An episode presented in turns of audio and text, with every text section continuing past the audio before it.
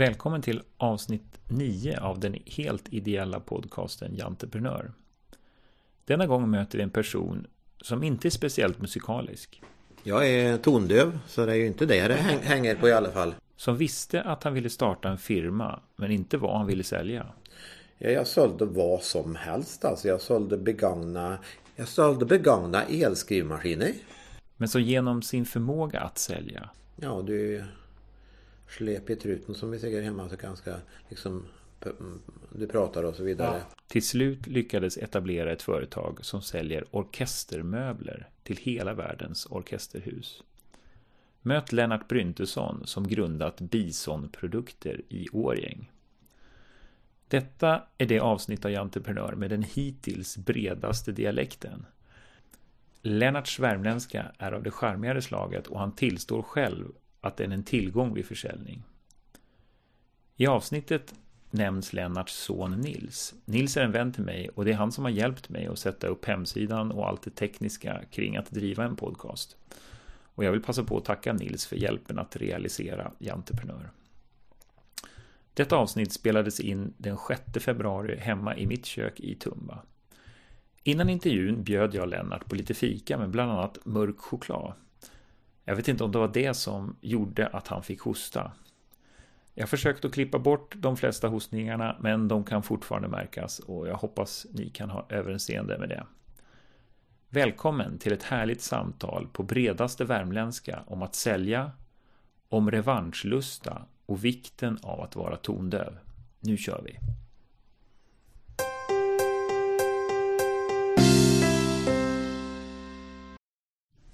Ja, ett företag i Årgäng som säljer musikinredning och heter Bison-produkter. Hur, hur hänger detta ihop? Ja, hur det hänger ihop? Det, det beror ju på vart jag ska starta. Ja. Eh, jag är tondöv så det är ju inte det det hänger på i alla fall. Nej. Utan det hänger väl på det som är din idé med entreprenörskap. Att mm. eh, jag jag tycker det är fruktansvärt roligt alltså att driva eget, tänka eget och, och jobba med. Så det, det, det, det finns ju en historia i detta förstås. Så, Vad började det? Det började ju med att jag jobbade på ett annat eh, företag i Årjäng och var ekonomiassistent. Jobbade där i sju år. Eh, jag är ekonomiutbildad men eh, men jag tycker ju att det är mycket roligare att sälja. Mm. Så Och det fick jag inte riktigt göra det och då Då tog jag liksom bara och hoppa ut i blinda intet och har en mycket lojal fru som eh, tolererade detta. Och, För du gick från en fast anställning då till mm. något som du inte visste? Hade, ingen, hade absolut ingenting. Det här är år 1980. Så det är ju jättelänge sedan. Eh, och då... Mm, Om jag frågar hur gammal du är nu, då kommer vi kunna räkna ut det. Hur gammal du var då? Ja, eftersom jag är född 1950 så var jag ju 30 då. Ja. Och så borde jag vara 64 i höst. Ja, så borde det bli. Mm. Um, jag hade hemma uh, min Eh, min eh, dotter Sara som är eh, förståndshandikappad som mm. har Down syndrom. Och hon är, var alltså då fem år. Mm. Och så hade jag eh, precis på väg ut ett, ett fosterbarn som har eh, var, han var då förstås tre, fyra, fem, sex. Ja. sex, fem, sex år. Ja. Och klättra på väggarna. Väldigt eh, jobbigt och eh, och sen så fick vi ju Nils då. Ja. Eh, något år senare, 1982. Eh, och sen jobba frun Ingegerd halvtid. Så det var liksom det fanns ingenting att leva på. Vi hade ju Nej. otroligt låga kostnader. Men eh, de eh, deklarationer de första åren på 80-talet de eh, skulle nog sätta upp på väggen. Alltså. Ja, det är så långt under existensminimum så det, det går inte att leva på det. Jag, det är rätt häftigt alltså att det, jag fanns. Men hur gjorde du då? Hur, hur, hur klarade ni runt liksom? Ja, alltså det, det är ju att suga på ramarna. Att den är, är nog väldigt duktig på, på att hålla i kostnader. Alltså. Mm. Så att eh, eh, när jag liksom abrupt slutade på det här andra företaget, Abeco. Då var det faktiskt en, en kille där som var leverantör till dem. Eh, som eh, råvaruleverantör som kontaktade mig och sa att eh, jag har en viss administration som inte jag hinner med. Det var några tullrestitution och så vidare. Och kan du hjälpa mig med det? Så att då ju, blev jag som någon sorts konsult. Så att jag satt eh, i början och eh, hjälpte honom med, med, med att sparka loss pengar på saker som jag heller aldrig hade gjort förut. Och så, Men då var du inte anställd utan då körde du det körde i egen... i, i företaget. Ja. Eh, och det var ju väldigt eh, lustigt för att eh, jag kunde ingenting. Pelle som då eh, den killen hette. Han var jätteduktig men han hade väl inte riktigt struktur. Men när jag satte mig där så stod han bakom axeln och så talade han om precis hur jag skulle göra och då blev det gjort. Ja. Så jag blev gjort för det och sen så hade han Då var det en restitution där på 36 000 kronor och han sa får du igenom det här då får du 30% för det. Det var liksom två dagar om att göra och sånt. Ja. Och så fick vi igenom detta och så fick jag då 12 13 000 och det var alltså Jag seglade i himlen alltså det var ju så stort som det var alltså det var inte, fanns inte. Nej. Man var aldrig frågan utan han betalade det glatt och villigt fast det var ju mest han som hade gjort det. Eh, Det som var intressant var ju att jag, jag startade ju inte med någon musikinredning. Jag startade med vad som helst. Jag sålde, ja, jag sålde vad som helst. Alltså jag sålde begagna, jag sålde begagna elskrivmaskiner. Jag sålde lite arbetskläder och jag sålde lite handikapphjälpmedel. Ja, det var liksom helt, helt vansinnigt. Alltså allt möjligt som eh, liksom jag hoppade på och checka. Så drivkraften var liksom inte jag gillar den här produkten eller jag gillar det här utan Nej. du ville vara din egen och sälja. Ja, alltså drivkraften kan jag tala om för dig med en gång vad det är för att ehm, den har jag tänkt på mycket. Drivkraften var inte att få en förskräcklig massa pengar. Utan drivkraften var att visa de som hade mobbat mig när jag var liten att jag kan visst klara det här. Mm. De såg ju aldrig det här men jag blev väldigt mobbad när jag var i, gick i mellanstadiet och så vidare. Vart är det här någonstans? Är det också Årjäng? Ja, det är en, det är en landsbygdsskola i Köla som ligger fyra mil längre bort. Vad, vad gjorde dina föräldrar? Eh, Lantbrukare. Var lantbrukare. Så att mina föräldrar är lantbrukare och då är de ju i och för sig småföretagare Ja, verkligen. förstås. Men de såg sig ju inte de såg sig Nej. som bönder. Ja. Eh, Pappa dog eh, tidigt. Jag var inte... Ja, jag var under 20 år när han dog. Alltså, så han fick aldrig vara med om den här resan. Och, Nej. och mamman, mamma som var väldigt sund i allt. eh, Hon eh, suckade många gånger och förstod liksom kunde inte förstå vad hon hade gjort för fel när inte jag fick något jobb. Nej, just det. För det där var ju inget riktigt. Nej, det var inget, inget jobb alltså. Eh, Men i alla fall under, under, under barndomen så var jag en- ensam och udda och eh, stack tydligen ut på en massa sätt som gjorde att eh, jag var väldigt lätt, väldigt tacksam att reta.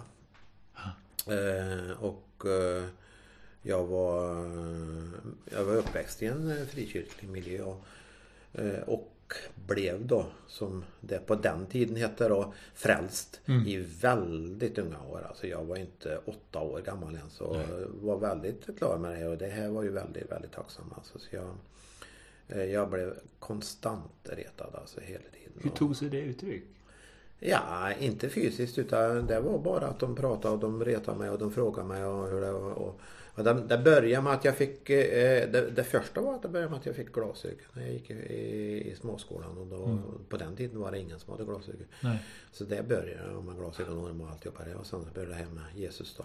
Ja. och så vidare. Och ehm, så det, det, det höll ju på som ett litet helvete under hela den här folkskoletiden. Ända tills det som blev min räddning det var att jag var förhållandevis duktig att spela fotboll. Jaha. Och det var ju en godkänd sak. Just det. Så att där blev det ju väldigt stort alltså när, när jag kom med i fotbollslag och, och mobbarna sa till mig att du går före oss för du är, du är duktigare än mig Ja. i fotboll. Det, det var otroligt stort alltså. Ja. Det, då, då växte jag ju hur stort som helst. Eh, Men det här har ju ändå på något sätt eh, följt mig då. Så att eh, i vuxen ålder då, alltså som här nu då, 30 år alltså. Ja. Då ska jag visa dem. Jag har aldrig pratat med dem här efteråt. Utan de, de, de, men det är någon sorts, det är drivkraften tror jag. Det, är- det, det alltså att jag ska visst visa att jag kan. En sorts revanschlusta. Det är det. Eh, och eh,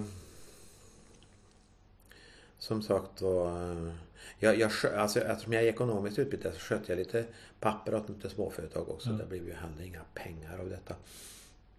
Men, eh, men sen då mycket kort så kom jag över en mycket eh, väldigt häftig produkt som var alltså en, en hopfällbar yxa.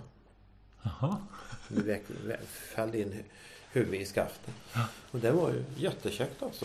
Eh, Så den då fick jag, det var en norsk så den fick jag ensamrätten på Sverige. Hur kom du i kontakt med, med Bara den? ramla på en kille som skulle sälja det här och inte blev några vart att jag kunde ta över det och sen så ja, sen gav det ena det andra och så liksom hade de ingen försäljning då. Ja, skrev ett kontrakt att jag skulle sälja 3000 yxor på ett år. Ja, ja. Och jag hade ju ingen aning om någonting men jag drömde ju alla nätter om att jag skulle ha yxor tills pension och jag skulle gälla med yxor. Jag skulle, jag skulle, göra, jag skulle, jag skulle inte ha någon annan yxa. Men jag sålde de här 3000 yxorna på ett år. Men det, det gick däremot inte att sälja igen för de blev för dyra så de låg ju kvar i affären och så vidare. Så att det är klart jag. Men det som hände då det var att rättigheten till den här yxan hade gått över till ett lite större företag och så sa de att vi Ja du släp i truten som vi säger hemma så ganska liksom du pratar och så vidare. Att eh, vi har andra produkter också. Eh, Kan inte du, du kan få sälja eh, du kan, vi har ett notställ som eh, du kan få sälja i Sverige. Jag, som sagt då, jag är ju tondöv och Ja. har ingenting med musik att göra. Så jag fattar ingenting vad du pratar om. Eh, Men de nästan kastade över mig någon kartong med Ja. som jag satte ute i, i, i lagret. Ja. Och sen eh, inga pengar. Fortfarande inga pengar. Vi är ju bara något år framåt och jag har inga pengar. Så jag, jag hade ju ingen, inte att annonsera eller någonting utan jag det jag gjorde, jag satte in sådana här kontaktannonser i musiktidningar Ja, som um, kostar 25 kronor. just det. Och det höll jag på med ett par år innan någon kom på att jag var ingen privatperson utan jag fick inte göra så. Hur var de utformade? Notställ söker... Ja, ja un, ungefär, Musiker? Ja, un, ungefär i den stilen alltså. Och, och så kom det Ja. något svar och så var det någon som eh, var intresserad. Så var det någon som köpte och så var de här notställen bra. Ja. Och det var då, det visste inte jag. Hur viktigt tror du det var att, att det var en så att säga bra produkt? Ja, annars har jag inte gått vidare på den linjen. Nej. För då, jag menar, jag höll ju på att dansa med så många produkter som eh, var värdelösa. Men sen efterhand då så märkte jag ju att det här... Så det, det, det är så småningom efter 82, 83 eh, utkristalliserade. Det var två produktgrupper. Det var de här notställen. Och sen- Och sen eh, började jag även att köpa bär och svamp. Jaha. Och det är ju liksom inte något som en stockholmare vet vad det är men Ja. Men alltså eh, det är ju en eh, utbredd kultur i Värmland och norr över Sverige att eh, gemene man går ut i skogen och plockar och sen säljer det till någon lokal handlare och då var det ju eh, Konsumbutiken i, i bygden Ja. eller något sånt. Och det, det här, så där startade jag med. Så det, det höll jag på med i 20 år. Eh, Och fryste också så här eller? Mm, sålde nästan allt färskt. Ja. Så jag sålde ju på färskvarumarknaden. Jag sålde till Årsta här då. Och sålde ju till Göteborg och Oslo och de storstäderna. Så det var ju liksom eh, Det var ju så att säga mycket värre än notställ för att eh, i princip 48 timmar innan efter det var plockat skulle jag vara ute och slutkund. Alltså hela tiden. Alltså. Skötte du transporter? Eller? Nej, Nej. utan man, man måste ju... Man, vi, vi hade ju bilar som, kör, eh, som körde på, på de här men det var ju det att få, få kunder då som... Ja. För var det lite så var det inga problem med vara... Var, fanns det mycket bär och svamp i skogen då, Ja. då hade ju alla mina Ja. konkurrenter också och vi har ju samma kunder så då, Ja. då var det ganska tufft alltså. Men eh, det, det här var ju en fantastiskt intressant period. Eh, fantastiskt roligt eh, för att eh, eh, det fick jag ju komma i kontakt med folk. Ja. Jag hade alltså, vi hade ju västra Värmland som uppköpsområde och vi, vi hade alltså lokalbefolkning. Ja. Eh, uppåt en 1000-1500 Ja. plockare alltså som var ute i, i skogarna. Alltså. Kom de till dig levererade liksom vid, vid dörr eller så att säga? Nu har jag plockat 20 liter. Vad får jag för det? då? Mm. Kontanthantering liksom. Kon- bara kontanthantering. Bara kontanthantering. Ja. Så du vet förstå att det var ju jag menar det var ju inga, det kunde gå 50 000 kronor kontant på en dag. Alltså alltså att man inte blev rånad Ja, där. Alltså, det. det. är ganska otroligt. Du hade kanske mycket yxor hemma? Ja, kanske. Jo, alltså jag hade ju kö- köpt upp då på eh, köpt upp hemma i Årjäng och köpt upp i Arvika och köpt upp på några ställen. Så jag hade ju fasta uppköpsställen då och tider. Men, men då kom de. Men det här var ju Det här gillar jag. Ja. Alltså köpa upp gillar jag. Men det var ju ont i magen hela tiden att det skulle säljas. För annars skulle en, eh, en, en två, tre dagars eh, inköp som inte gick att sälja. Då brände ju hela årsvinsten inne. Ja. Eh, Det här var ju mest, alltså Mest svamp. Det var ju det som jag blev duktigast på. Bär var ju lättare att frysa in då. För det var ju inte, men, men svamp, kantareller i första hand. Men vi hanterar ju ganska förhållandevis stora mängder. Vi kunde ju ta in på en säsong ja, 25 ton kantareller. Det är 100 kubikmeter om du... Ja, det- Och fär- färskt. Ja. Bara färskt alltså. Ja. Så det... Hur, ser- hur ser liksom förädlingen ut? Då? Någon plockare Mm. på, på liksom allemansrätt och sen säljer de det. Vad får de då för per liter? Fick de ungefär? Då? Ja, det går bara på vikt. Ja. Kilo. Eh, 50-60 kronor kilo. Mm. Och när du sålde det i Årsta? Vad...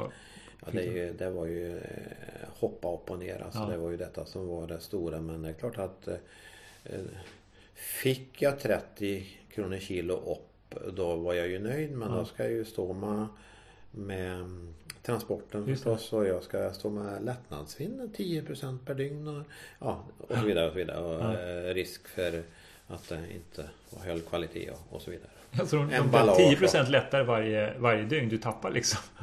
Så Ja. det var ju om att göra att få iväg ett fort. Ja. Alltså det, det är hemska saker. Så, det, det här, så just det var ju så oerhört speciellt och då jobbar man alltså. Då, då var det alltså fyra månader om året som man bara satte kryss i almanackan. Och Ja. fanns inte, det spelade ingen roll om det var 50-årskalas eller Nej. vad som helst. Bara jobba.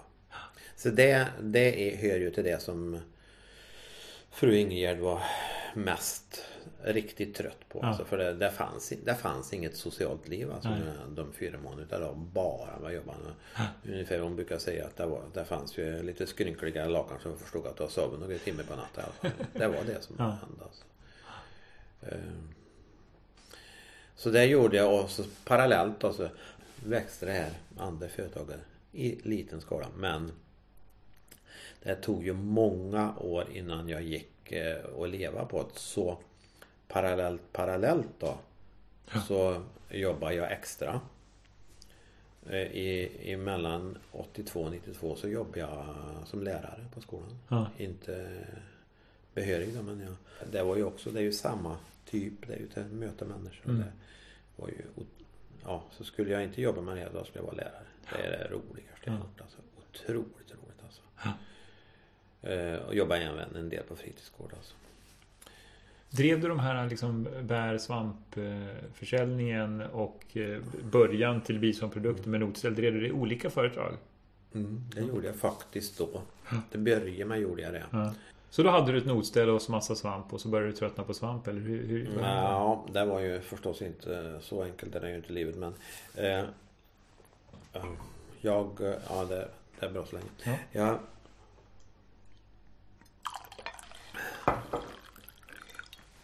jag jobbade som ett köp och säljbolag då. Så jag köpte för det här norska företaget Ja. i, i, i ganska många år. De hade jag nog som leverantör i 12-15 år. Jätteduktig, jätteseriösa, bra kvalitet. Men vill inte utveckla. Utan det, liksom det, det, det var en färdig produkt och den var bra. Det skulle inte hända någonting mer och vi skulle inte göra någonting Nej. mer. Vilket gjorde att jag skruvade på mig och sa att det här går inte. Vi, vi måste alltså... eh, Ja, en produktcykel är inte hur lång som helst. Nej. Det är, nu får faktiskt, ni måste faktiskt göra någonting. Mm. Och det hände ingenting i alla fall. Så då åkte jag över till Norge och sa att eh, nu gör jag er ungefär liksom med väldigt klara eh, liksom så att de måste förstå vad jag menar. Men, Det måste hända någonting. Ja. Jag, det måste hända någonting.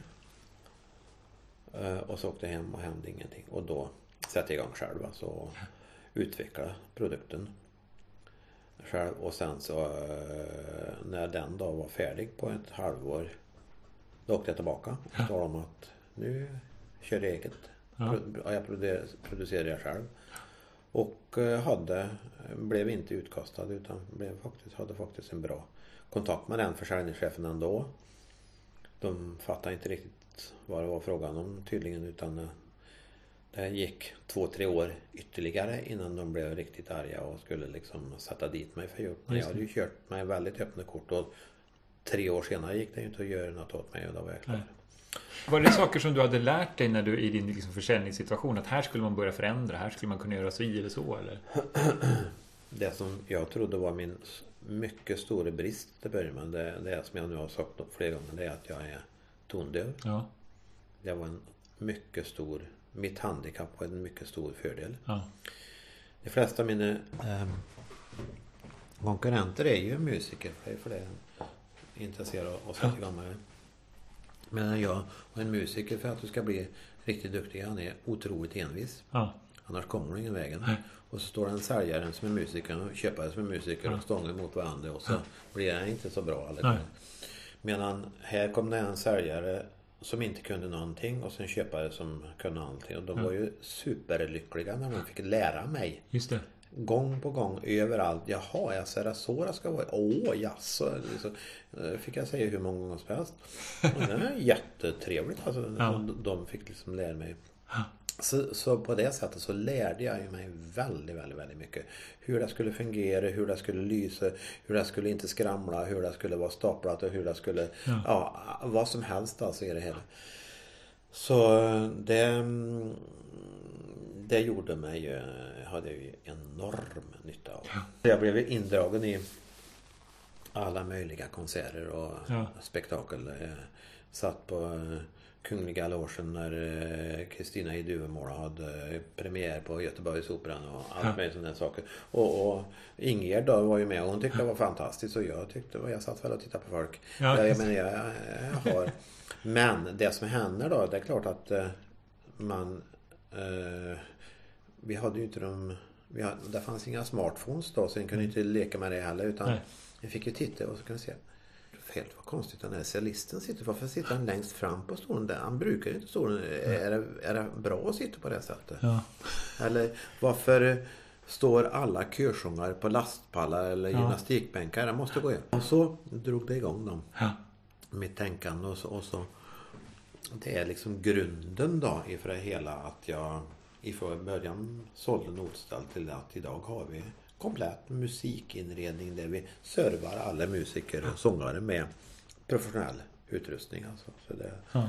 det är ju samma där. Jag är ju otroligt oteknisk och opraktisk men jag kan väl lyssna och se och så, så Ja. drar jag ju folk till mig då som, som kan göra ut. De, de säger det att, att det är en väldigt eh, charmig egenskap det här att man eh, är okunnig men nyfiken. Det gillar människor. Du, du sa det själv liksom att eh, det, är det, ja, det är lite slående. Eh, och idag då? Nu levererar ni över hela världen till... Vad har ni för... Berätta om några av era eh, leveranser och kunder. Ja, det är klart att vi... Vi är fortfarande mycket små. Mm. Mycket små. Vi omsätter under 10 miljoner. Mm. Men vi har ju vilka referenskunder som helst. Alltså du kan... Eh, det började 2001 egentligen på riktigt. Alltså att telefonen ringde och eh, den gången svarade jag och så sa den This is from BBC. Och jag tänkte att eh, vilken Magnus är det som driver mig med Ja, just det. Men det var alltså BBC som hade nosat upp oss och sagt vi har förstått att du gör väldigt bra stolar, är det så? Ja, visst det gör. Och de köpte. Ja. De köpte det och eh, har ju blivit eh, sen då att jag förstått alltså hur, hur bra grejer vi har. Alltså. Ja. Så att, sen har vi haft en jättefin eh, Ja, har vi hög svansföring och, vet att vi är duktiga. Så, så idag då, så vi kan ju... Vi har... Vi har kunder i mer än 30 länder idag. Mm. Vi har någon BBC, vi har Bayerische Rundfunk, vi har alla de här... Ja, I Sverige har vi väl 70-80 procent av alla större musikinstitutioner och musikhus. Operahusen i Oslo, Köpenhamn och så vidare. Marinski teatern i Petersburg. Vi levererar till eh, Baku, Melodifestivalen. Ja. Vi har levererat ner till Sultan och Oman. Vi har levererat stolar till Kina och vi har levererat till USA. Afrika har vi inte kommit in på. Nej, men nej. Vi har provstolar just nu nere i Nya Zeeland och i Australien. Ja, så vi, vi, är, vi är ganska breda. Ja. Mm. Och de här stolarna då och de andra produkterna, har ni utvecklat dem själva? Eller? Några fann vi efter vägen och Ja. andra har vi eh, utvecklat. Det här scen, eh, scensystemet, det har vi utvecklat helt själva. Det är helt... Och sen har vi eh, gjort utvecklingar på befintliga saker som vi Mm. i vissa fall har tagit skydd på och i vissa fall eh, eh, säljer vi ursprungstanken. Mm. Mm. Men eh, vi jobbar alltså idag som så att eh, vi lägger ut alltihopa i produktion. Men vi, eh, vissa, vissa av våra underleverantörer så står vi med Köper vi bara timmar. Och Okej. står med råmaterial och alltihopa. Ja. Och vissa eh, köper vi Alltså produkten färdig men de får ju givetvis inte till sälja den till någon Ja. annan utav våra. Äger ni ritningar så att säga? Och- Ja, Mm. Vad hände med de här eh, norska företaget där du utvecklade notstället? Blev det en, en sorts rättighetstvist där? Vem som ägde? Alltså, i- det, det blev ju det, men jag hade ju... Ska man kalla det tur eller vad ska man Mm. kalla det? Eh, för att... Eh, när... när eh, jag, jag, jag tycker ju själv inte om att man ska snylta på andra. Nej. Så jag har ju... Jag tyckte ju ändå att jag gick väldigt eh, rakt fram och talade om. Jag talade om att jag skulle göra det och jag talade om att jag hade gjort det. Ja. Och sen eh, var det deras notar så bra så att vi har bara gjort lite förbättringar men, men grunden är samma. Ja. Och sen då så när de vaknade till liv då med, med någon ny VD efter Mm. fyra år eller vad det var. Då var, ju, då var det, vi ju etablerade på marknaden och, och vi hade kört oss vägen så det var alldeles för sent att göra något. Så vi, vi har inte råkat ut för någonting. Nej, nej, nej. Utan där, där är vi. Vad har ni för konkurrenter? Ja, ehm, det säljs ju väldigt, väldigt mycket både nosställ och stolar och så vidare i Sverige. Men det mesta är ju Ching Chong. Ja. Och eh, det kallar ju inte vi konkurrenter för det är ju till dem. Dels är de ju otroligt mycket billigare och så är det följaktligen mycket lägre kvalitet. Och den som vill ha det, den får ju köpa det. Den. Utan de som ska ha den här kvalitetsvaran. Där har vi, där är det alltså så att av de som gör kvalitetsvaror så är det oerhört begränsat. Alltså det, det finns, säg att det finns ett dussin worldwide. Mm. Och då har vi en tillverkare i Sverige som har hela programmet. Och det är en gammal kund till mig som har hoppat av och som tillverkar och har plagierat, plagierat oss då istället. Mm. Och sen finns det då ett par i Tyskland och USA förstås och någon här och där. i Australien och Mm. var som helst. Mm. Och sen finns det då vissa av de här produkterna som någon som säljer scengolv och någon som ger eh, notställ men, Ja. men, eh, men inte har programmet då, hela Nej. programmet. Så det, där är vi. Det känns som du kom in i allt det här via att ha, ha en känsla för att sälja saker. Och den här som hade yxorna, de sa, verkade se dig, se dig i dig. Liksom. Vad, vad gör en bra säljare, skulle du säga? Duktig att lyssna. Ja. Jag är ganska... Du sa själv förut nyfiken och, och sen duktig att lyssna. Jag tror att det är lyssna som är väldigt viktigt alltså. Sen så är det klart att man får ju lära sig analysera i viss mån då förstås att eh, vi har byggt upp en massa, massa eh, värdegrunder i vårt företag nu. Vi är eh, noga på en av de här värdegrunderna som jag inte, jag inte säger att det är bra för alla andra men vi har gått på den. Det är, vi tillverkar enbart svenskt. Vi har all tillverkning i- Sverige. Vi får ju bud hela tiden om att men vi gör inte eh, vi gör det. Följaktligen så är vi dyrare. Ja. Det är ganska självklart. Och, men eh, priset är ju en faktor. Ja. Och då kan vi alltså inte vara bäst på den faktorn. Då måste vi vara bäst på andra faktorer. Och då har vi satsat stenhårt på dem. Och det är ju de här floskelorden kvalitet, Ja. leverans, service och hej kom och hjälp mig. Ja. Och de är ju eh, i första hand lite svåra att visa när man möter en kund första gången. Det. Det är ganska trevligt att möta dem efter tio år. Ja. Eh, Så vi, vi, vi lämnar idag 10 års garanti på varenda pryl. Ja. Vi har 80-90% av allt går omgående från vårt eget lager direkt till kund så fort Ja. det bestämmer. Och det här plockar vi väldigt mycket poäng på. Alltså. Mm. Vi, vi har sådana här små löjliga regler som att vi ska alltid svara i telefon senast tredje signalen och vi ska ge ett adekvat svar. Ja. Kan vi inte svara, har vi inte produkten eh, och inte vet hur vi ska göra, då ringer vi upp efter en timme och talar om att du kan köpa den hos den och den konkurrenten. Eller det. Så det här, och det här är vi jättenoga på alltså. Och det, det här vet alla dina anställda att Ja. tre, tre signaler, nu måste vi... Ja, det här är vi jättenoga på. Ja.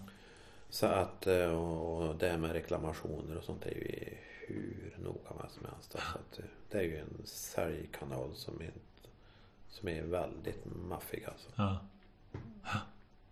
Vad kul, du säger sådana där små knep. Hur ofta är det du säger att man ska vara duktig och lyssna? Hur ofta är det att kunden sen egentligen blir nöjd med någonting som de inte frågar efter? Alltså de inte riktigt vet. Men du förstår det. Mm, frågan igen, vad menar du? Att Jo, att- en merförsäljning eller vad menar du? Nej, inte mer försäljning utan, utan kunden kommer med ett behov och det handlar ju om att till, tillfredsställa det och det låter ju väldigt lätt men men eh, just det där lys- i lyssnandet och, Ja. och, och så att säga som du beskriver din okunnighet så finns det ju att du vill förstå kanske till och med det som ligger bakom. Hur ofta upplever du att, att kunden kommer och frågar någonting men egentligen så är det något annat de vill ha och, ni hjälper dem att förstå det? Ganska, ganska ofta egentligen så vi, vi och detta är ju hur roligt som helst alltså allt ifrån eh, där, där vi liksom eh, vi bygger relationer alltså. Ja. Vi bygger relationer som bara den. Eh, som ett, ett exempel kan jag ju bara tala om när jag eh, Jag var inne i Stockholm här en gång och så tänkte jag att jag hade tid över. Vad gör jag? Jo, jag, jag springer upp på till Operan och dricker en kopp kaffe. Ja. Och, och kommer upp till, till inspicienten och så pratar med honom. Och egentligen oförberedd. Och, och så sen säger jag det att du måste, du måste bli trött på oss nasare som springer här och så. Du är inte någon nasare, du är min vän, säger han. Och det är klart att då, då, då känner man att då har vi fått bytt det här alltså att eh, han är professionell i sin inköp och han, jag, jag klarar inte att lura honom med, utan han vet vad han ska köpa. Men han vet alltså också när, när jag säger en sak att jag tror på det då, då kan han lita på att så här är det. Alltså det, enligt vår erfarenhet så fungerar det på det här sättet. Det här, eh, vi, en märker ju eh, om det är en ny eller en gammal kund många Ja. gånger. Och eh, visst, när den står på mässan så, så kommer det ju de som ska tala om sanningar för en. Mm. De, de får ju prata. Sen Ja. så, så tänker vi att så småningom lär du väl dig. För den, det är ingen idé att och tala om vår så kallade sanning utan han får väl leva sitt liv. Ja, Får vi tro att vår produkt just det. eh, säger sanningen. Hur, hur har utvecklingen av företaget? Du sa att nu omsätter ni ungefär 10 miljoner. Och hur, går, hur går företaget? Tjänar ni pengar? Och... Ehm, ja. Eh, vi... eh, Jag vet inte hur många gånger jag säger men jag är oerhört medveten om att vi är ett litet företag och att vi inte har någon anledning att slå oss för bröstet för att vi är stora och duktiga. Men vi har ju gjort en del grejer som, som gör att eh, vi, vi sitter väldigt säkert i sadeln. Ja, Eh, som jag sa att jag startade företaget 1980. 1994 eh, tog jag ut min första lön efter 14 år. För då hade jag anställt min första medarbetare och betalade honom lön och då tyckte jag ju att det var ganska rättvist att jag också fick lön då. ja, Och det gjorde ju att under det här åren har vi byggt upp det egna kapitalet i företaget Ja. ganska friskt. Alltså, så att eh, vi har ju en eh, både likviditet och en soliditet som är avundsvärd. Ja. Eh, vi har eh, trippel A, vi har haft eh, 10 år på 2000-talet tror jag. Så, vidare. så det här gör ju att, att, att, vi, att vi, när cyklarna går upp och ner, alltså konjunkturer och eh, tillfälligheter och vad som helst så sitter vi ganska lugnt alltså. 2013 var ett mycket märkligt år. Det gick eh, i princip nio månader utan vi sålde någonting. Någonting, men alltså vi sålde skitdåligt. ja, Eh, och jag såg hur min personal tittade på mig. Och så såg de att jag såg lugn ut. Ja. Då var de lugna också. ja. Men eh, hade jag liksom börjat på, liksom skruva på mig och känna att nu, nu måste jag varsla så. Då har det blivit en helt annan situation. Men det, då hade vi det här reservkapitalet. Så jag vet, jag vet ju, och jag är ju otroligt noga med den här ekonomin. Så jag vet ju precis när, när gränsen är att det Ja. inte går längre. Sen eh, så löste sig fjolåret mycket bra ändå. Vi fick eh, två sådana här fina order ner till den här Sul- Sultanen och Mm. Oman och sen så brakade det ihop då eh, sista månaden, oktober, november, december. Det blev jättebra. Så det, det blev ett bra år ändå. Ja, Eh, det du säger för början det var ju att det, det, har, det har sakta uppåt med hack. ja, Är det, och hacken har bestått eh, i viss mån av eh, försäljningsnedgångar men mest be, beroende på strukturförändringar. Eh, den första större strukturförändringen var 2002 då jag slutade med bär och svamp. ja Då, då tappar ju ett helt ben där. Ja. Undan det och det är klart att det tappar ju omsättning förstås. Så då, då, då tappar jag ner en del. Sen... För då eh, var det i samma företag så att säga. Så då var vi... Då då hade jag allt, omsättning. allt i ett. Mm. Ja visst. eh, Då tappade jag några miljoner i omsättning. Sen eh, eh, krakade det uppåt igen och vi var över 10 miljoner också något år där. Vad gör man då? Då är det ju väldigt lätt att bredda sig. Eh, Och gå in och sälja konferensmöbler, skolmöbler och så vidare. Det är ju så nära. Mm. Ja. Så att det kan, det kan vi ju göra. Vi har inga problem att tillverka det. Men dels så blir vi inte alls unika. Och så har vi tusen konkurrenter. Ja, Så att vi väljer den på ett sätt lite svårare vägen. Vi breddar oss geografiskt istället. ja, Och så skrev jag upp på tavlan att 99,86% av världens befolkning bor utanför Skandinavien. just det. Och får vi någon liten promille av dem då är vi jättenöjda. Ja, Så där är vi. Vi, vi kämpar och vi kan inte språk och vi kan ingenting och vi, det går jättebra. Alltså. Det, ja, Så- så det är ganska roligt. Och, och företaget, ni, ni har de här produkterna som riktar sig egentligen kan man säga till or- orkester eller offentliga någon sorts eh, Professionella musiker och sångare Ja, kan vi ju säga. Ja, okej. Sen så köps det i allmänhet av musikhus då. Ja. Kyrkor, skolor och eh, musikinstitutioner. Ja. Just det, just det. Och så är ni i år och ni är hur många anställda? 10? Sex. Sex anställda? Sex anställda. Omsätter ungefär 10 miljoner. Mm. Ja. Jag vet ju att, att ni driver ert företag på lite annorlunda sätt. Det, Berätta. det är ganska många. Vi har en massa principer där som återigen principer, principer. Men principerna är sådana saker som vi har eh, vi har skapat tillsammans. Eh, vi har eh, en platt organisation. Mm. Många säger att man har en platt organisation. Vi påstår att vi har en platt organisation. Eh, det är klart att han är inte helt platt. Men eh, vi har gemensamma eh, personalmöte en gång i månaden då vi går igenom allt ifrån ekonomi till anställningar till investeringar till att varför inte han mår bra på jobb eller varför mm. det, vi har fått en reklamation på den prylan. Mm. Hela vägen. Vi har ett totalt transparent företag när det gäller ekonomin. Alla kan gå in vilken dag som helst och se exakt eh, resultatanalys och så vidare. Mm. självklart så som eh, VD och ägare så har jag ju det juridiska ansvar mm. och då får jag ju automatiskt en viss Då är det ju inte helt platt. Nej. Men vi har helt uttalat att de tunga sakerna, investeringar, anställningar och så vidare, ska vara konsensus. Mm. Vi gör ingenting om vi inte är fullt överens. Alltså. Så eh, det är ganska jobbigt och ganska roligt. Eller väldigt, Ganska jobbigt och väldigt roligt. För eh, jag har ju ett osannolikt eh, engagerat företag på det sättet.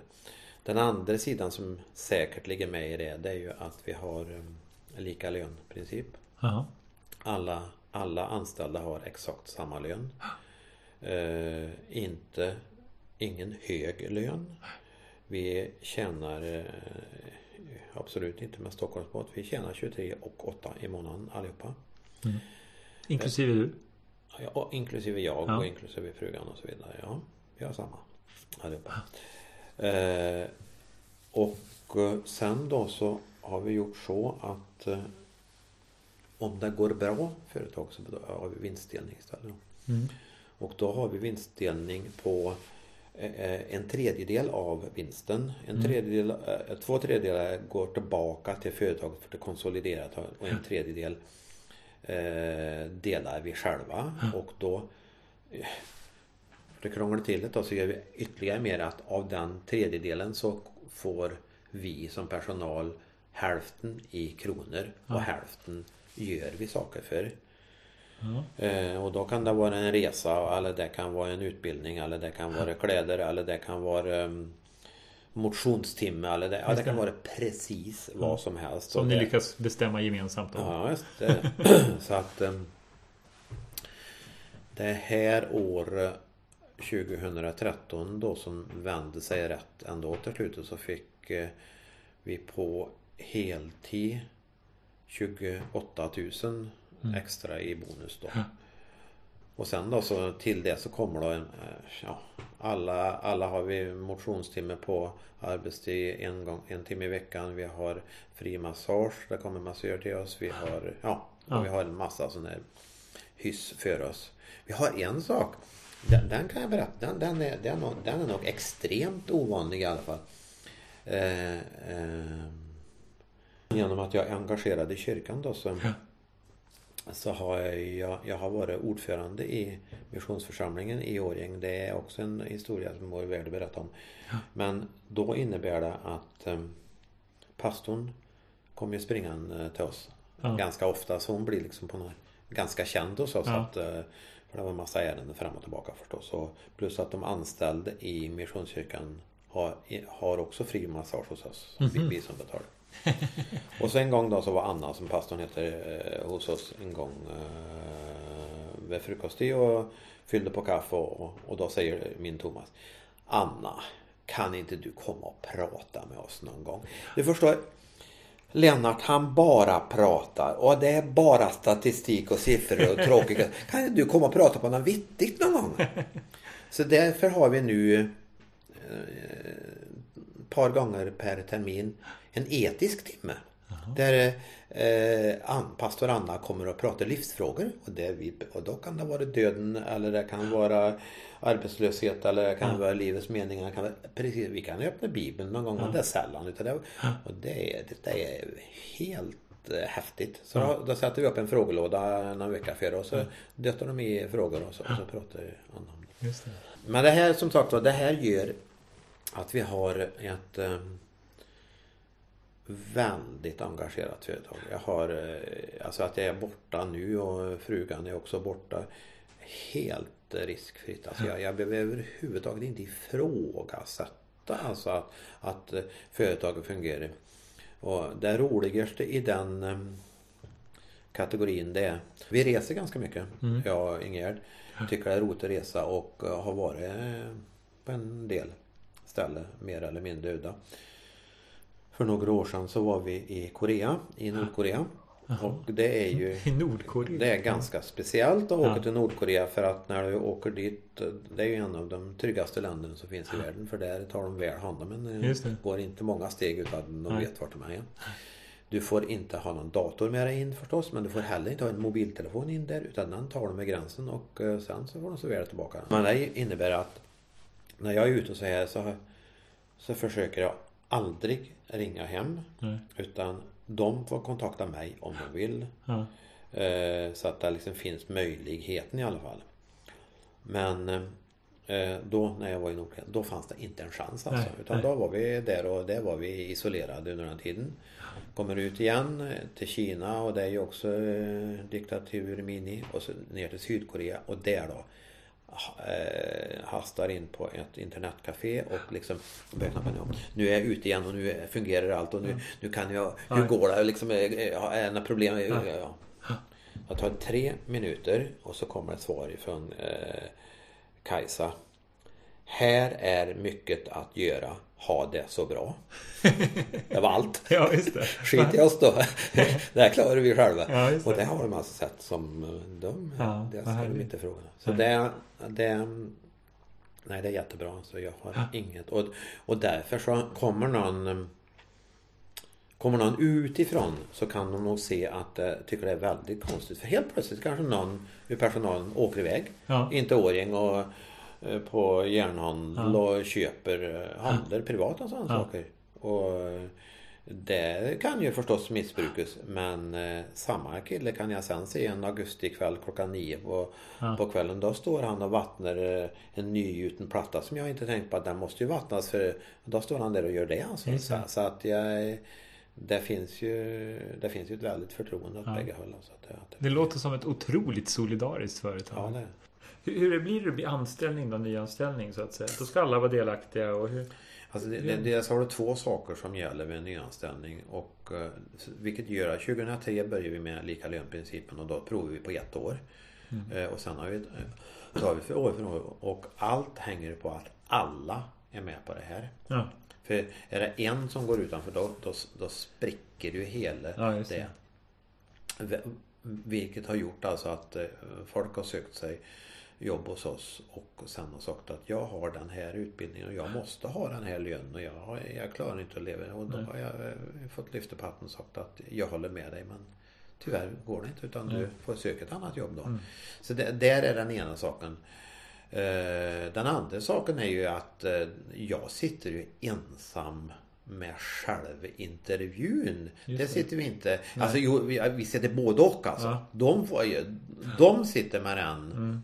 Och, och, eh, men, men, men jag sitter ensam och ehm, eh, jag sitter ju också med första intervju. Jag menar det, det söker sig. Det eh, där ringde eller kontaktade mig en tjej idag och sökte Mm. jobb och så vidare. Det, jag menar jag kan ju inte dra allt. nej, utan nej, nej.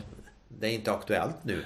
Utan och är det aktuellt då, då tar jag jag först och är det då intressant då går ju jag vidare. Och, och då, men då är det faktiskt så att och det har jag lärt mig under resans gång. För jag har gått emot personalen någon gång och det Mm. har straffat sig Mm. rejält. Så det, det gör jag aldrig igen. Varför heter det Bison? Ja, det är bara tråkigt. Det är en förkortning av Bryntesson. Ja, okej.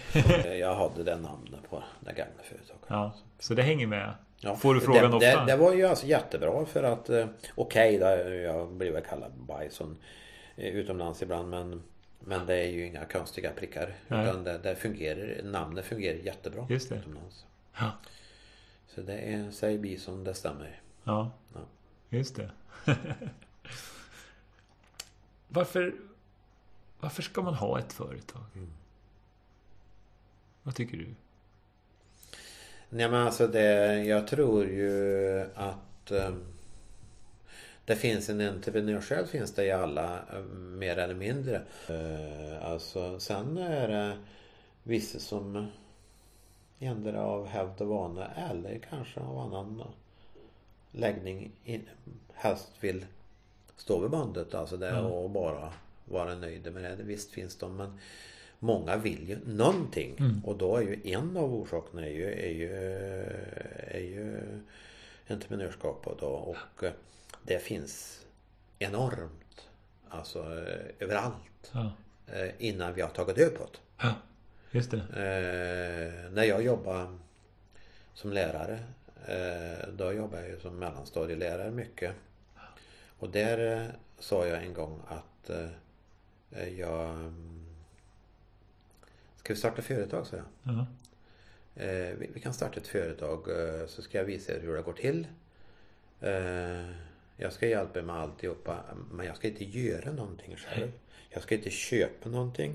Jag ska inte sälja någonting utan ni ska göra precis allt själva. Ja. Utan jag ska bara liksom Jag ska hjälpa Ja. Ta kontakt med leverantören och säga att det ringer en 11-åring men jag står eh, garanten för det. Och sen får det inte vara pepparkakor och kokosbullar som alla andra utan det ska vara något eget. Just det. Och vi fann alltså några enorma saker. Vi fann någon sån här eh, eh, solidaritetsgrejer. Nord och syd heter det. Jättefina prylar. Plus att det var några eh, miljövänligt brevpapper. De sakerna sålde vi. Och det var intressant att se. Alltså, de hade inte förstått att de inte kunde. Nej. Så de kunde. Ja. Bre bredvid eh, den vanliga undervisningen så tjänar vi på den terminen 20 000. Mm. Vi var ute och fika, vi var ute i skogen och paddlade kanot, vi var ute och flög. Vi, ja, vi hade så mycket pengar, vi, hade, vi kunde göra vad som helst. Och de, alltså det var ju stjärnor där som var inte sant vad duktiga de var. Alltså. Ja. Redan då Ja. alltså. Så jag tror ju eh, och, och, som sagt, och sen såklart att eh, det blir ju inte riktigt svar på frågan men frågan är ju att vi måste ju, eh, alltså världen måste ju drivas vidare. Mm. Och världen drivs ju vidare på mm, eh, med att vi själva, att, att inte andra tar hand om oss utan Mm. vi tar hand om oss själva och hjälper varandra. Mm. Det, det är ju en Mm. Ja, det är ju en självklarhet. Finns jag faktiskt i en bygd som är fostrad på det sättet. Mm. Alltså det, vi är inte ett bruks, brukssamhälle och Nej. vi är inte en storstad. Utan vi är en gammal småbrukarbygd där folk har fått lära sig att ta hand om sig själv. Mm. Och, eh, och det går inte att stå med mössa i vacker hand och någon ger en pengar utan den får fixa fram pengarna själv. Ja. Det, det, det, det ligger kvar än och Ja. det är jättebra. Alltså. Jag, jag anställer ju ganska mycket folk när jag jobbar på Scania och bland de absolut bästa anställningarna jag gjort så är det ju bondsöner. Mm. Och ännu hellre bondsöner från äh, Gotland har jag anställt några gånger och de är riktigt, riktigt bra. För att de är bra av flera skäl. Bondsöner tror jag är bra för att de har lärt sig här att att eh, om, in, om inte jag plöjer den där åkern idag då kommer ingen annan att plöjt den imorgon. Nej. Alltså att det, det, det hänger väldigt mycket på, på en själv. Det tror jag att man fostras i. Och bor man på Gotland och har blivit ingenjör så man kan bli anställd på Scania. De har dessutom tvingats ta beslutet att lämna ön i tidig år. Det är också en drivkraft. Så att eh, bondsöner. Och du är ju bondson. Fick du med dig det där liksom att eh, ja, det, om vi jobbar hårdare så, så blir det mer liksom mjölk eller säd eller vad ni nu gjorde? Eh, förmodligen undermedvetet, ja. Ja. Det är klart, för det var ju självklart. Alltså, det, det Och du hjälpte till Ja, som det- liten Det förstås. fanns ju aldrig något att välja på. Så det var ju inte, inte, för att det var roligt utan det, det var ju självklart att vi gjorde det. det. Det var ju bara det som gjordes. Det, Mm. Mm. Och liksom eh, det var mjölkavräkningen som kom. Ja. Och, och så mycket mjölk har vi sålt den här månaden och då Mm. får vi så många kronor och de Mm. kronorna ska vi leva på. Ja. Det, det, det var en självklarhet. Och den här direktkontakten mellan arbetet och varje månad intäkten så att säga, att, att få se den, den. Just den kopplingen försvinner ju väldigt många för många människor i, i vanliga arbetet. Liksom, att man ser inte, jag gör det här och så blir det här, resultatet. Det är ganska så svårt. Nej, alltså det, det märker vi väldigt mycket. Och främst då i offentlig förvaltning och eh, större företag där det liksom eh, där man kan stå och skrika och det är liksom för mig är det helt förvånansvärt. Mm. Det, det, blir, det är ju inte produktivt utan det, det är ju det produktiva att det måste ju hända. Ja. Tänker du att du har faktiskt skapat arbetstillfällen för flera människor genom den här idén och det arbetet du har gjort? Jag vet inte om jag tänker så men däremot så tänker jag kanske så att eh, nu är jag strax pensionär och jag vill ju väldigt gärna att eh, de har kvar sitt arbete. Ja. Eh, för att jag tycker de är så delaktiga alltihopa så jag Jag skulle väldigt gärna vilja sälja företaget idag men jag kan inte sälja till vem som helst nej, och nej. hur som helst. För att min personal vill ha det på det här sättet. Mm. Och det är ett dilemma alltså. Så mm. att jag vet inte alls hur jag ska göra det för att uh, Går jag ut på öppna marknaden och säljer då är det ju inte Bison kvar. Utan då är det ett annat företag. Och, då, och så har jag en penningpåse. Och penningpåsen behöver jag inte. Nej. Och, och ni är, när du, man hör dig beskriva företaget och hur ni, hur ni är med personalen. Och, jag vet att ni huserar i ett gammalt stationshus. Och, mm det är en ganska udda företag.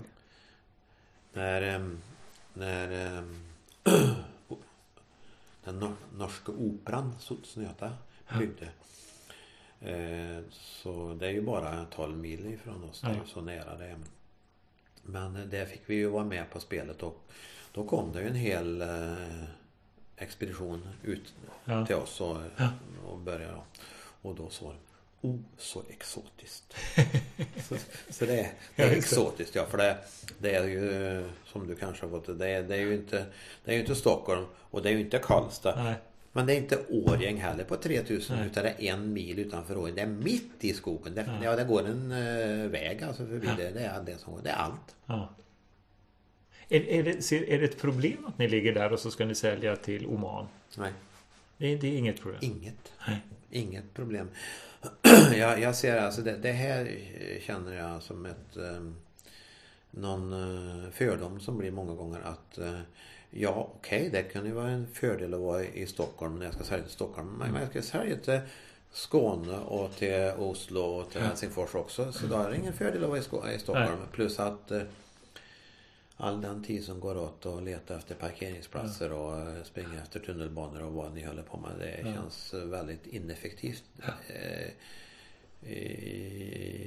jag tycker att stockholmarna är väldigt ineffektiv. Det hoppas jag att du får med. Jaha, det nej, jag, nej, men alltså, jag, jag, jag, jag, köper inte det här att eh, stockholmarna bär Sverige. Nej. Utan, nej.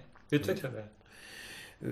Nej, alltså vi, vi, är ju, vi är ju vana att jobba och vi, vi, vi föder oss själva. Och eh, det som vi säger ute hos oss ute i glesbygden det är alltså att eh, vi, vi ska inte ha några bidrag. Nej. För att eh, det går inte att driva ett företag på bidrag. Mm. Däremot behöver vi ha krattade gångar alltså. Det, som, det kan inte vara bättre än vi har idag. Mm. Jag kan inte ha det bättre. Men jag måste ha en bra eh, nätverksuppkoppling. Mm. Jag måste ha post till mig varenda dag. Ja. Det är inte självklart när man bor i skogen. Ja. Jag måste ha daglig hämtning med gods. Jag måste alltså införa. Jag måste, de där sakerna, de har jag idag. Ja. Men faller de, då är det inte roligt att bli. Så det, det, det, det, är mycket sådana saker som är. Sen så vet jag ju att eh, uttalas väldigt mycket att eh, det är brist på kompetent arbetskraft. Mm. Vårt, eh, vår kommun Årjäng är lågutbildad. Det är en av de riktigt lågutbildade i landet och mm. det beror på att eh, vi har alltså ingen ungdomsarbetslöshet därför att vi är så nära gränsen så att mm. ungdomarna får jobb och bra betalt i Norge. Ja. Eh, Okej, okay, det är helt klart alltså att eh, många behöver kvalificerade tekniker det, och vi gör bara ett järnspett. Mm. Men jag köper inte det här alltså alla gånger. att eh, eh, För tre år sedan så anställde jag Kajsa som kom till mig och frågade. Det, det, är också en intressant alltså. I princip alla som jag, anställ, som jag har anställda har kommit och och sökt jobb. Ja. Jag, har inte, jag har inte varit ute och sökt utan de kommer till, kommer, kommer till Bison och söker. Då kommer hon till oss och hon bor bara 500 meter från oss. Hon är utbildad maskiningenjör. Just det. Jättebra. Ja. Så hon kan ju kaddrita och hela köret då. Ja. Men det är den första. Ja. Annars så har vi alltså någon eh, sjuksköterska eller undersköterska och någon postkassör och någon Röda korsinstruktör och någon eh, hej kom och hjälp mig någon gammal eh, tryckerigubbe och ingenting, alltså någon televerkare. Ingenting. Och ändå så har vi eh, tagit skydd på vissa produkter som vi har utvecklat själva och vi har eh, jag, jag, jag eh, tycker inte att det är fel med kunskap men jag tycker att ibland så gör vi väldigt konstigt av alltihopa och det, det är inte alla gånger det här stämmer. Vi kanske definierar kunskap för smalt. Ja, precis. Att kunskap är egentligen ett mycket bredare begrepp. Ja, och att kunskap innebär att man har läst så så många Ja. år på en högskola. Eh, Förutom det som, som jag nämnt nu som jag eh, kanske eh, dumt sagt och sagt att vi är sex anställda. För, men vi är sex som har full lön och så vidare. Men sen så har vi alltid extra människor hos oss. Ja. Vi har alltid folk som kommer ifrån omsorgen. Mm. Vi har haft folk som har varit övervakare, praktik, lärlingar och alltid Mm. har vi haft det. De tillför ju väldigt mycket. Mm. Per eh, som eh, går på dagcenter är hos oss varje måndag och har varit det i 15 år. Johan eh, som också är en omsorgstagare jobbar halvtid hos oss. Mm. Eh, han har vi slitit ganska mycket med mot myndigheter och att eh, vi ska få någon hjälp alltså. Så att, eh, för han har sina äckliga eh, sex kronor om dagen eller vad det är Mm. som har i omsorgspeng och han är duktig. Ja. Men eh, efter att vi har hållit på ett, ett år alltså bråka med Försäkringskassan och Arbetsförmedlingen så ger vi upp och, och betalar honom lön. Ja, han är anställd hos oss idag. Ja. Han kan inte lägga ihop 8 plus 7 Nej. men han är han kan, han kan köra motorsåg. Ja. Han, han kan alltså så alla i princip alla de här kör nästan alla våra maskiner. De kör våra truckar, de kör våra lastmaskiner, Mm. de kör våra... Och eh, det går jättebra tills eh, Arbetarskyddsstyrelsen kommer. För då kommer det att gå åt helvete. Men, men, men alltså Ja. de har ju växt något Ja. så in i baljan alltså. Och sen så är det klart att där har vi då Thomas i det här fallet som har varit helt makalös och Ja. slapp på dem. Och suttit och hållit i dem så att de inte har kört ner verandan eller sånt. Då gör det massa sådana här saker. Alltså. Men, men alltså när de har fått göra saker så de kan ju jättemycket. Mm. Så det är ett ganska stort liksom, socialt engagemang som är Ja. eh, utanför vad många företag tänker. Liksom. Det tror jag nog att vi har i sig. Sen så tror, eller sen är jag helt övertygad för det vi är också besvärliga. Att väldigt många företag skulle gå i våra fotspår och göra samma saker om, om de kunde vara trygga mot myndigheter. Mm. Men alltså när, när, när, när myndigheter, och vare sig då vi säger skola eller arbetsförmedling eller vad det nu är, det kan vara precis vad som helst, bara skälper av och säger att det är bra. Ja. Och, och sen Vi ska inte ha Vi ska inte ha ersättning för att vi har folk hos oss. För det tycker vi inte. När vi är, de allra flesta när vi har haft dem eh, eh, nog länge så är, så är de åtminstone noll. Mm. Mm. Så det går. Men vi vill ha hjälp när det krånglar. När någon det. låser in sig på toaletten och sitter där i två timmar. Då ska vi kunna ringa ett samtal och så Ja. på en halvtimme kommer det någon och hjälper oss. För det är den tiden är dyr. Ja. Och där får vi inte hjälp. Och Nej. det tycker vi inte om. För, och det är där som otryggheten kommer också Mm. hos eh, mina kollegor, Ja. företagare som säger att eh, jag har inte en chans att, att göra det också vara socialt också. Det, det går inte. Men, Nej. Men alltså då får man alltså, och, men det är klart att nu är vi så gamla i gamet så vi, vi, vi gör ju som vi vill ungefär. Och, som eh, när de här omsorgstagarna som då kommer de ifrån Årgäng Eh, Då har vi sagt, eh, jaha då ska de jobba 9 till 3. Mm. Nej, de ska inte jobba 9 till 3, de ska jobba våra arbetstider. Mm. Ja men det går inte för att vi har en bil som går ut då 9 Nej, de ska, de ska vara på våra raster. Är de inte på våra raster Nej. då är det ingen idé för att det är då vi har tid att prata. Så ja. ja men det går inte säger han. Hej, men eh, då kan, eh, då kan du få åka med min personal säger han. Ja. Ja, vad bra. Då ska min personal ha resersättning för att det är för att då går det över gränsen, sa jag. Och vi har inga pengar. Tråkigt, sa jag. Återkom när det är aktuellt. Just det. Och då ringer de om 14 dagar. Jag ordnar det här med resersättning. Ja. Ja, bra. Då är de Ja. välkommen. Och det är ju det här alltså som är att man måste vara på det här sättet. Mm. Alltså, men, men så är vi. Och, Ja. vi. och då fungerar det. Ja. Och, och alltså personalen hade säkert tagit med en dag men, Ja. men de får inte för mig. Nej. För jag tycker att eh, det ska inte utnyttjas. Alltså. Tror du att det spelar roll att du själv liksom har en dotter som har Downs syndrom? Att det spelar in? Jag har ju också en dotter som är utvecklingsstörd och autist. Jag tänker mycket på det. Eh, det eh, hjälper ju till men alltså vi har ju som sagt vi har haft fosterbarn hela livet och vi har Mm. haft allt möjligt och som sagt var att just kanske lika mycket att när man själv har blivit mobbad och hela den Mm. sidan. Alltså jag har ju Mm. varit med om det så jag vet så mycket Mm. om det. Så Mm. det är så fullständigt naturligt alltså. Mm. Och vi har ju sett Vi har ju sett fördelarna med det här alltså. Eh, Vi har ju aldrig behövt uppfostra våra barn. Nej. För de har ju de har, de har ju bara sett hur det fungerar och det, det var ganska Det var helt naturligt. Ja. Eh, Och då, då är det ju för Nils då. eh, Men det är samma för Sara som är handikappad. Mm. Alltså. Och här har jag en sån där gullig historia. När 1989 Då blir alltså Nils 7 år och Sara är 14. Ja. Då får vi ett sånt här samtal ifrån uh, SOS att de vill skicka till oss en 15-åring från Stockholm som kommer till Åring och intar en Sällebo. Nej. Och på två dagars varsel. Ja. Så vi sätter oss i familjeråd hemma och, och hör hur vi ska göra och alltihopa. Och vi funderar fram och tillbaka. Och Sara sitter och säger ingenting.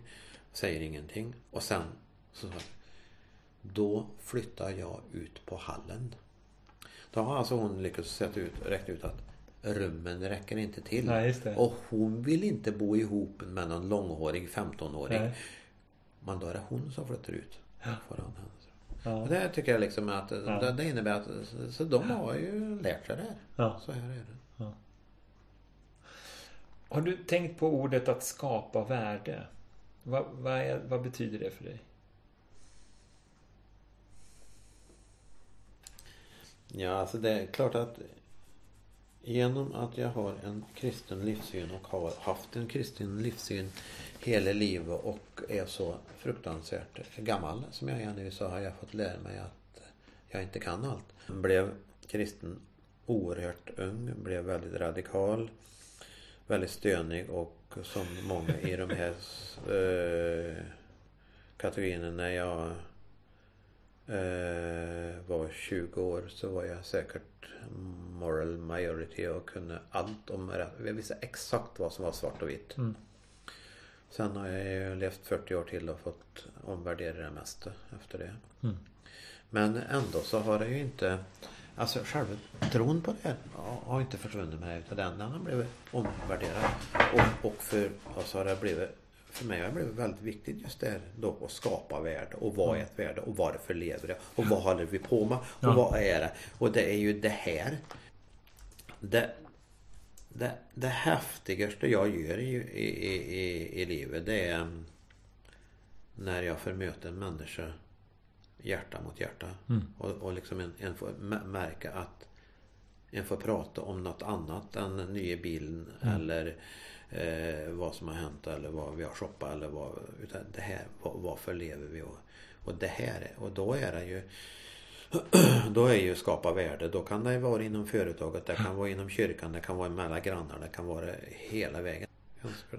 Vad, vad tänker du att det kan bli med Bison? Tänker ni att ni ska växa och bli större? Och...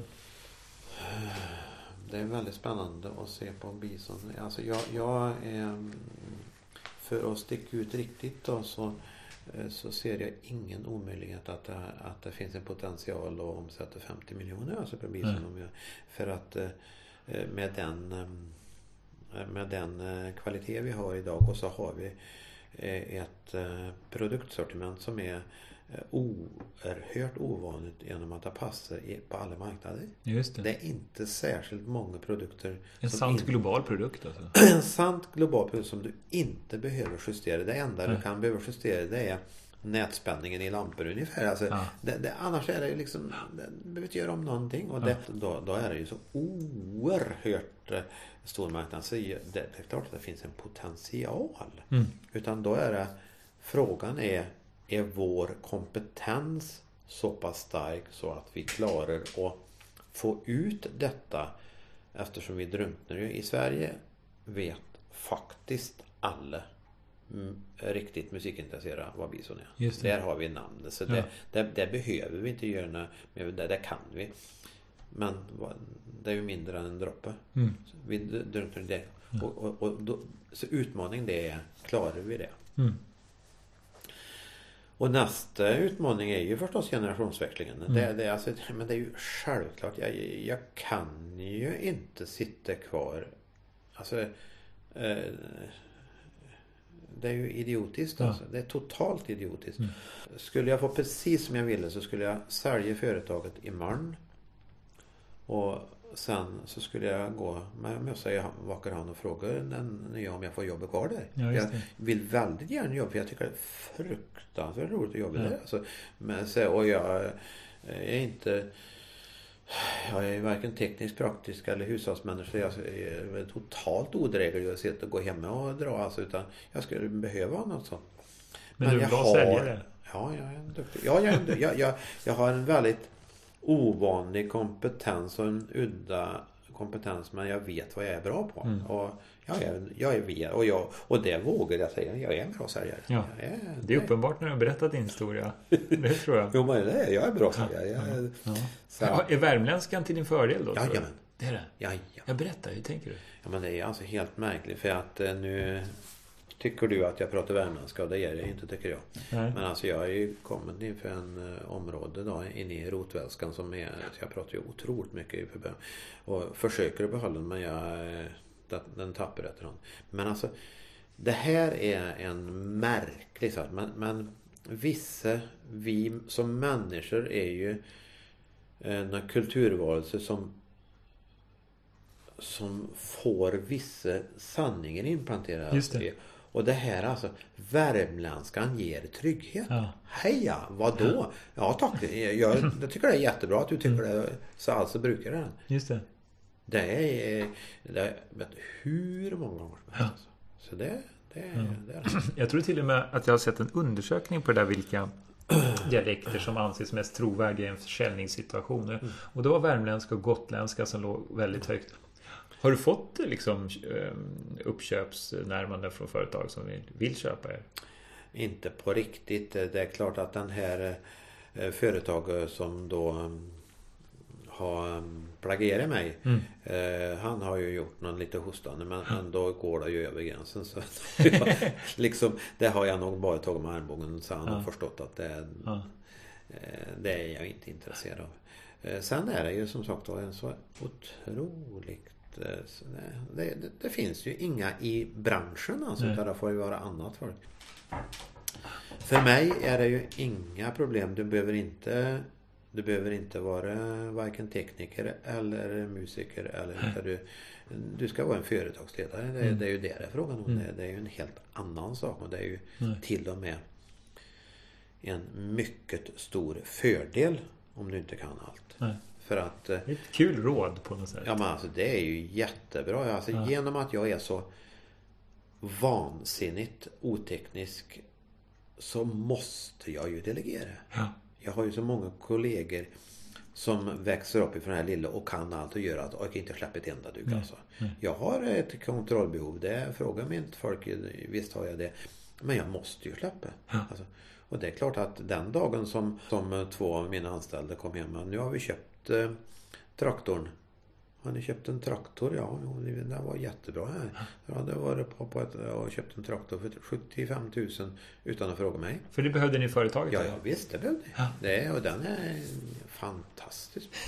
Men Vad har du den till? Skottar eller?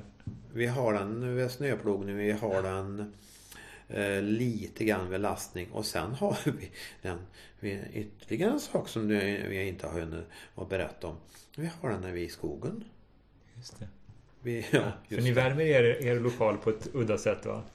ja, det, är, det är svårt att komma ihåg allt som vi är udda på. Vi tror att eh, eh, om det, om, ifall pengar är viktiga så är det mycket lättare att tjäna pengar på att kapa kostnader än att mm. öka intäkter. Mm. Och vi har otroligt låga kostnader alltså. Och en av de här lågkostnaderna innebär alltså är bland annat uppvärmningen. Och uppvärmning vi eldar upp hela våra lokaler som då är 700 kvadratmeter och 6 meter i tak. Det är ja. fem villor eller vad det är. Ja. Det, det gäller vi med ved. Ven eh, hugger vi själva på arbetstid. Eh, och, och, eh, och då pratar vi liksom inte bara klyva ved utan ni är ute i skogen? Och... Vi är ute i skogen och hugger. Och kör hem det hela. Eh, eller som eh, den, min första revisor sa att eh, kan det löna sig att gå i skogen och plocka pinnar? och då bytte jag revisor med en gång. För jag tänkte, är han så fruktansvärt dum så då kan, vill jag inte ha honom. Ja. Så att vi, vi, vi är gärna på, vi är på 100 kubikmeter ved per år. Och det här, det här gör vi ju att, och Thomas som jag har nämnt om flera gånger, han säger det är vår kick-off konferens, ni får gå i skogen och hugga ved. Ja. Och då är Johan med. Som sagt som inte kan lägga ihop 8 plus 7. Nej. Så går vi av skogen och så hugger vi. Ja. Och sen, eh, och det här är, anser många är helt knäppt. Och det här är väl uträknat. Det är det absolut mest lönsamma vi gör. Ja, alltså, just det. Vi, tjänar, eller, vi sparar så mycket kronor på det. Ja. Så intressant. Det det då gör istället. Det är ju att eh, det måste görs alla handtag. Det ska ju alltså Ven ska huggas i skogen, den ska köras hem, den ska mm. kapas, den ska klyvas, den ska torkas, den ska lagras och så ska den eldas. Ja. Och det ska eldas varje dag. Hela året, åtminstone hela vinterhalvåret. Ja. Och då måste man elda även på helgen. Ja. Så någon måste ju göra det förstås. Det. Och det gör ju han där veden då förstås, för han bor ju där. Ja just det, perfekt. Men, men, men å andra sidan så åker han ju bort ibland. Ja. Ja, ja men det är inga problem säger Kajsa. Eh, eh, per, eh, hennes gubbe, han jobbar i skogen så han kan gå ner och gälla. Det är inga problem. Och då får jag ju någon komptimme. Det är jättebra. Ja. Åk du. Så, så, så, att det, ja. allt sånt löser sig. Vad roligt. Ja, det, det, är roligt. Det är ett udda företag. Vad skulle du vilja ge för råd till en entreprenör som är precis i början? Ja, jag skulle vilja ge väldigt mycket råd. Men alltså det är klart att eh, eh, Tyvärr är väl huvudrådet att du måste ha ordning på ekonomin. Mm. För har du inte det då hjälper inte det andra. Alltså, mm. Du måste veta inkomster och utgifter och överskott och vad mm. du kan bruka. Det, den här, alltså inte att du måste sköta bokföring själv men du måste ha känslan alltså vad du gör. För har du inte det det, det, är, det är absolut viktigaste. Mm. Och det är ju också, det har ju med kalkylering och eh, ja, prissättning och ja. hela... För jag, det, jag, jag, sitter ju som mentor åt en del sådana här småföretagare och de har ju ofta svårt att se vad de ska ta ut i mm. timmen för att det ska bli vettigt. Alltså, ja. Kan jobba hur som helst och så vidare. Det, och sen så så måste ju vara Sen så ska du ju veta varför du gör det. Eh, gör det för att eh, du vill ha någon trevlig hobby eller ska du livnära på det? Just det. Och ska en livnäsa på det så måste du ju tjäna pengar. Ja. Och då, då eh, säljer du inte barnkläder för att du har småbarn eller har en handarbeidsaffär för att det är gulligt. Utan mm. då, då gör du det här för att det nischen finns i att tillverka notställ. Alltså det är mm. ju helt knäppt. Men det är det mest osexiga och mest ointressanta. Ja. Så jag behöver inte ha några konkurrenter. Så det får jag vara i fred alltså. ja. Tack för att du kom Lennart. Det var jättekul att få höra din historia och ett häftigt företag. Ett annorlunda och häftigt företag. Annorlunda, ja.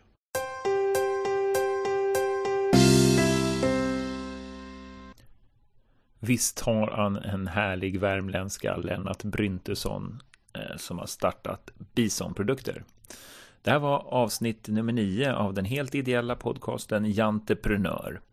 Jag hoppas att du gillade avsnittet och om du gjorde det så kan du gärna tipsa dina vänner om att man kan prenumerera på Janteprenör på iTunes eller i podcaster. Eh, och så får ni ha en riktigt bra dag tills vi ses igen. Hej då!